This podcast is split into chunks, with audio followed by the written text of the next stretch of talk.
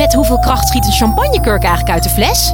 Ja, het is feest bij Quest. Al twintig jaar serieus leuk, met nieuwsgierige vragen en antwoorden uit de wetenschap. Zo maken we Nederland elke dag een stukje slimmer.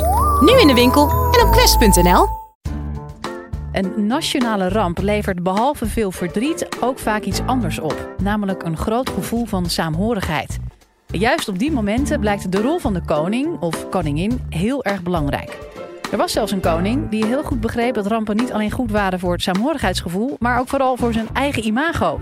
Wie dat was, hoor je in deze podcast van historisch letterkundige Lotte Jensen van de Radboud Universiteit. Live vanuit Club Air is dit de Universiteit van Nederland. Ik wil jullie iets vragen. Wie weet er nog waar die was toen hij het nieuws van de MH17 hoorde?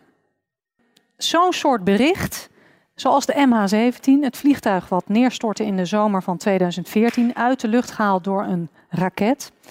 Zo'n soort bericht, dat heeft enorme impact. En daardoor herinneren we ons vrijwel precies waar we waren toen we dat nieuws hoorden. Het was ook meteen duidelijk dat het hier om een hele grote ramp ging met grote gevolgen. Dus dat beklijft onmiddellijk in onze hersenen. Waarschijnlijk kun je ook heel makkelijk bepaalde iconische beelden voor de geest halen, die met die ramp te maken hebben. Probeer het je voor te stellen in de geest. Het moment dat de kisten met de slachtoffers naar Eindhoven, uh, dat ze daar aankwamen. Het rijtje hoogwaardigheidsbekleders dat daar zat te wachten op de kisten.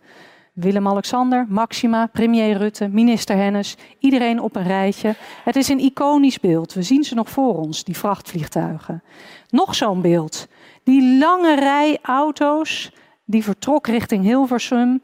Talloze mensen op bruggen die foto's stonden te maken daarvan, uh, ontroerd waren, gegrepen waren door de ernst van deze ramp. Die MH17-ramp en al die iconische beelden, die leren ons twee dingen. Ten eerste dat rampen groot saamhorigheidsgevoel kweken. Op zo'n moment voelen we ons als land verbonden. We delen het verdriet. Er is ook later een documentaire gemaakt die heet Het verdriet van Nederland. Zo'n ramp creëert saamhorigheidsgevoel. Het is meteen een eikpunt in de geschiedenis. En ten tweede, minstens zo belangrijk, de rol van de koning en de koningin. De rol van de vorst zou je kunnen zeggen. De vorst kan als het ware het goed doen bij zo'n ramp. En dan is dat voor het imago heel belangrijk. Maar het kan je ook de kop kosten als je het niet zo goed doet. Goede voorbeelden zijn bijvoorbeeld Juliana in 1953, de watersnoodramp in Zeeland. Tot, in haar, tot haar knieën in het water, grote laarzen aan, deed ze daar wat ze moest doen. Ze toonde zich betrokken bij de slachtoffers daar. Of denk bijvoorbeeld aan de Belmarramp, 1992. Beatrix ging er naartoe door moeilijke omstandigheden, maar wilde haar betrokkenheid tonen. Er zijn ook foute voorbeelden. Als je het niet goed doet als vorst, dan kan het je de kop kosten. En die voorbeelden hebben we ook. Laten we eens kijken naar Bush. 9-11. Wat deed Bush? Hij bleef nog rustig vijf tot zeven minuten voorlezen aan kinderen uit een kinderboek, terwijl hem in het oor werd gefluisterd wat er werkelijk aan de hand was. Hij deed het ook niet zo best bij de Katrina-ramp in 2005. Hij wachtte veel te lang met zijn bezoek aan het rampgebied. En dat heeft hem echt veel krediet gekost. Hij moest echt zijn best doen om het alsnog goed te maken en ging bijna overdreven in omhelzing met bepaalde mensen uit de omgeving.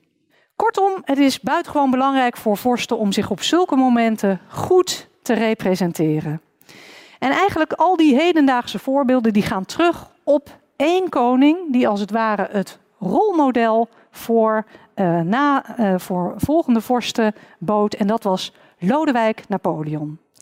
Ik doe veel onderzoek naar de 19e eeuw en de eerste grote rampenkoning uit de Nederlandse geschiedenis was Lodewijk Napoleon. Wie was Lodewijk Napoleon? Hij was de broer van Napoleon Bonaparte en hij was de eerste Nederlandse koning, maar wel een Fransman.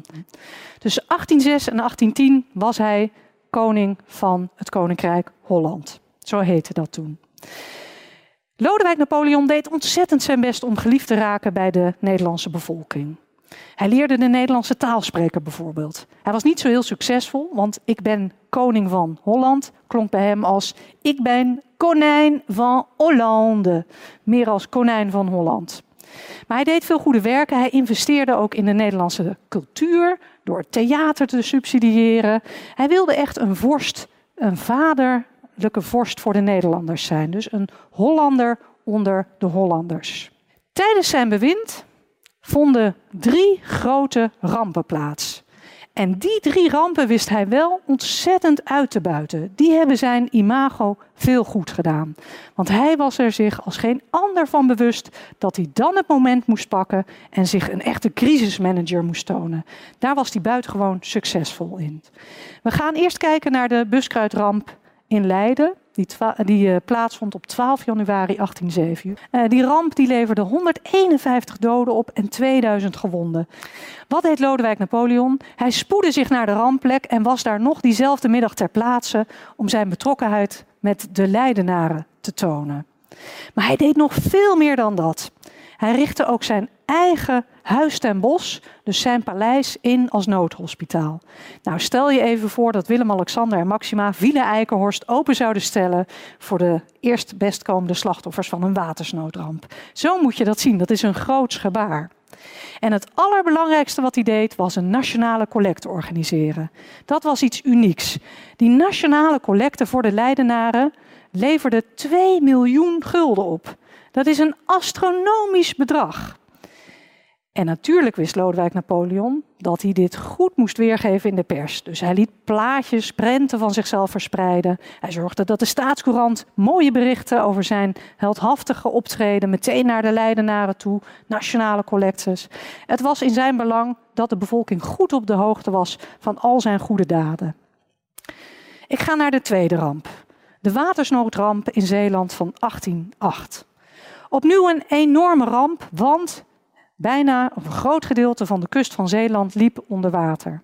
Vooral Vlissingen en Middelburg waren zwaar getroffen. Tientallen doden vielen daar. Het dorpje Kruiningen werd geheel weggevaagd. Lodewijk Napoleon was er weer als de kippen bij om zich goed te tonen en schonk 50.000 gulden aan Vlissingen en Middelburg als eerste nood, als eerste hulp in deze barre tijden. Wat er ook opkwam was veel liefdadigheid. Je vindt in de Middelburgse Courant lange lijsten donaties van mensen die iets willen doen voor de bevolking van Zeeland. Zo is er een genootschap, de Vriendschap, die 500 pond vlees stuurt. Daar kunnen de mensen uh, van profiteren natuurlijk in die tijden als er niks te eten is. Er is ook een filantroop die het goed wil doen en die stuurt 60 ton turf. Dat soort lange lijsten van donaties geeft aan hoe betrokken mensen waren bij die ramp in Zeeland. Ik ga naar de derde grote ramp, want precies een jaar later liep de Betuwe onder water in 1809. En hier deed Lodewijk Napoleon iets unieks, want het gaat, de anekdote gaat dat hij persoonlijk meehielp zandzakken te vullen. Kijk, dan krijgen we toch beelden van 1953, Zeeland, of Betuwe 1809, die een beetje door elkaar gaan lopen. Hij deelde ook eten en kleding uit aan de mensen al daar. Dat doet een goede koning. En wat hij ook deed, was zijn eigen leven op het spel zetten. Want hij wilde de mensen in Gorkum een hart onder de riem steken. Ging daar naartoe met zijn koets, maar kwam op een plek waar hij niet meer verder kon. Stapte uit de koets, moest over in een klein bootje en wist maar net zijn eigen leven te redden. Dus hij zette zijn eigen leven op het spel om de mensen in Gorkum echt persoonlijk te kunnen toespreken bij deze verschrikkelijke ramp. Er kwamen allerlei reacties op dat optreden van Lodewijk Napoleon. En dat waren heel veel positieve reacties. Dus dichters klommen in de pen om Lodewijk te prijzen voor zijn goede daden bij die drie rampen. En ik wil jullie daarvan iets laten horen. Een van die positieve reacties klinkt dan bijvoorbeeld zo. Onze vorst, de beste landesvader, is het eerst deelnemend voorgegaan. Dus hij heeft het goede voorbeeld gegeven. Hij is het eerst deelnemend voorgegaan. Hij zorgde er ook steeds voor dat hij als eerste ter plaatse was. Hij heeft in Vlissings grootste ramp zijn vaderlijke zorg doen blijken. Dus echt een vader voor het volk was hij. Dat is een positieve reactie. Maar zoals ik al zei, hij had nogal een dubbel imago. Want intussen was het natuurlijk ook gewoon de vreemde bezetter die het hier voor het zeggen wilde hebben. En dat zien we ook in de reacties terug. Eigenlijk een soort kritiek op de vreemde overheerser. En twee van die reacties wil ik hier uh, laten horen, omdat ze aangeven hoezeer die Nederlanders ook saamhorigheidsgevoel voelden op zo'n moment. En dat saamhorigheidsgevoel ging ook over wij Nederlanders versus zij Fransen. Dus precies in dat saamhorigheidsgevoel lag ook een kiem van verzet, zou je kunnen zeggen, tegen Lodewijk Napoleon. Eerste voorbeeld is van de Haarlemse dichter en schrijver Adriaan Loosjes. Hij schreef een toneelstuk in 1808 naar aanleiding van de ramp in Zeeland, over een eerdere watersnood. De ramp bij Romerswaal, die in 1555 plaatsvond. En Loosjes rept met geen woord over Lodewijk Napoleon. Hij zegt wel, het geld moet naar de slachtoffers nabestaanden gaan, maar geen woord over Lodewijk Napoleon. En dat stilzwijgen is natuurlijk ook een signaal. Een signaal van verzet. Die Franse koning, die moet ik hier helemaal niet. Wij willen juist vrij en onafhankelijk zijn. En hij laat dan een kluizenaar in dat toneelstuk het volgende zeggen. Met tranen in mijn oog schouwde ik het jammer aan, daar ik mijn vaderland in de afgrond zag vergaan. Kijk, dat is een duidelijk signaal richting die Franse bezetter. Mijn vaderland gaat ten onder en dat is niet de bedoeling. Deze ramp is eigenlijk een soort metafoor voor de echte grote ramp, namelijk dat wij Nederlanders nu bezit zijn van de Fransen. Dan de prachtigste reactie die ik gevonden heb op die rampen uh, die plaats hebben gevonden. Die komt van een Haagse dichter. Frans Adam de Hartog. Hij is vandaag de dag vergeten, maar hij verdient toch een klein standbeeldje ergens vanwege dit geweldige gedicht wat hij geschreven heeft in reactie op die ramp bij Zeeland.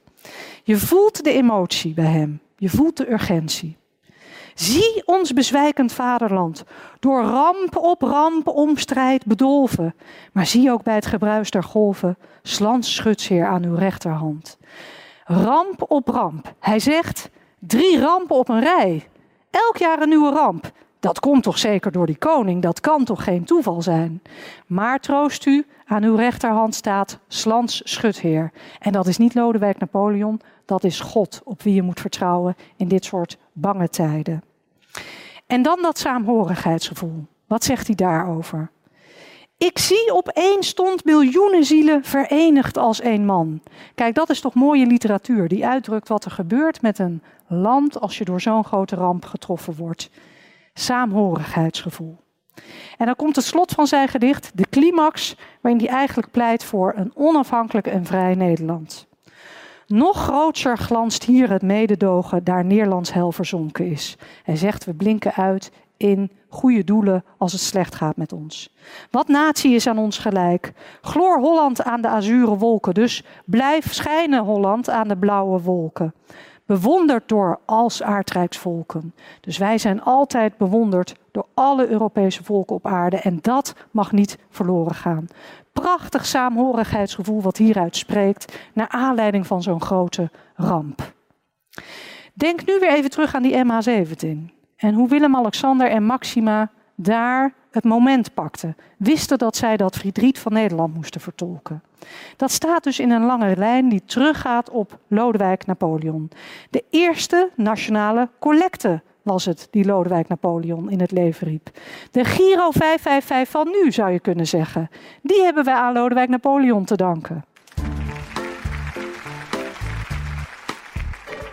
Wil je nou meer afleveringen van de Universiteit van Nederland horen? Check dan de hele playlist en ontdek het antwoord op vele andere vragen.